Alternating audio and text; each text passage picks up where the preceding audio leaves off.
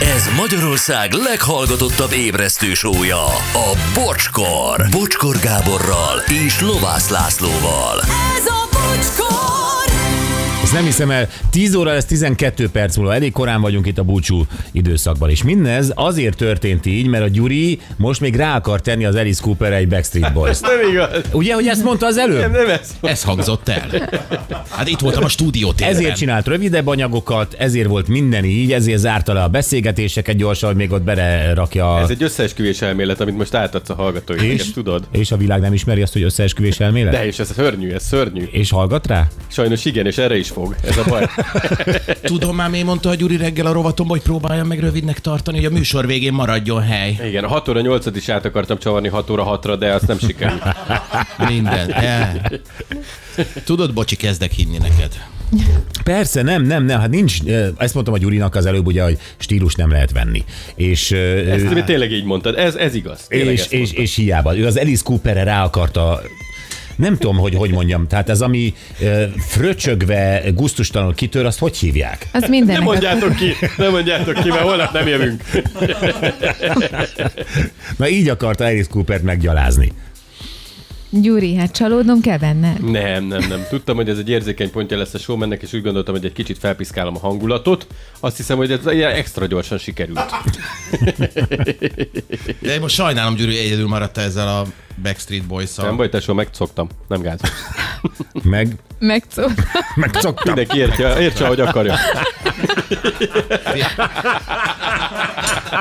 Kinek milyen a füle, úgy értse. az én fülem romlott. Üzenik nekünk, remek műsor volt. A nap is süt, igazi tavaszi időnk van, ez egy vidám reggel, legyen szép napotok. Joa Zsarum, Neked is. Trancsírozó szerdán kérjük lejátszani 6.03-kor az Eleonórát. Jó. Nem lesz ez Laci Bia. Aztán tegnap délután a bumerángot hallgattam, és megfejtettem a Tucunul feladványát, ezért jár Bocsi Zacsi, üdv Gabesz, az épület felső rész készítő kisiparos Leibertingenből. Hát figyelj, nem tudom, próbálkozzál régi legyen ön is milliómos adásokkal is, mert ott ilyen 40 milliókat lehet nyerni.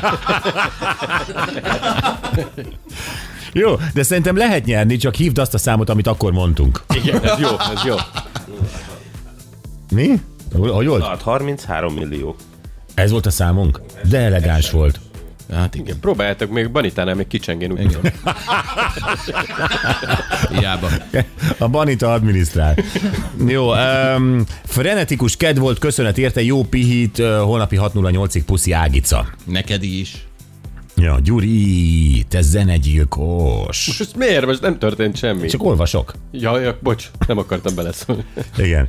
Ja, um, na jó, hát szerintem ennyi, Vágó Piros, ő jön, mert ilyenkor mindig keddenként megjelenik az egész műsorvezető gárda, és ö, jönnek, félnek, de jönnek. Tehát Hát azt várják, hogy válasz egyet közülük. És Itt ez van, ez, ez olyan, mint igen. Hollandiában.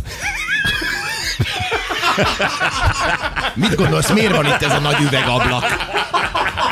Jó gyerekek, akkor, hogy megbeszéltük, műsorvezetők, akik itt vannak, álljanak fel az üvegfal túloldalán, köszi. Jó, aki a hasa elé tartja a hetes számot, ő jöhet. Abba házi Csaba. Figyeljetek, kijön utánunk, mert a bocsi azt választotta ma.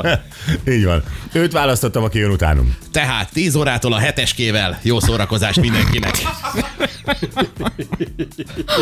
Jaj, DJ Dominik cserélgeti a számokat, úgy látom. Ó, nagy kópé.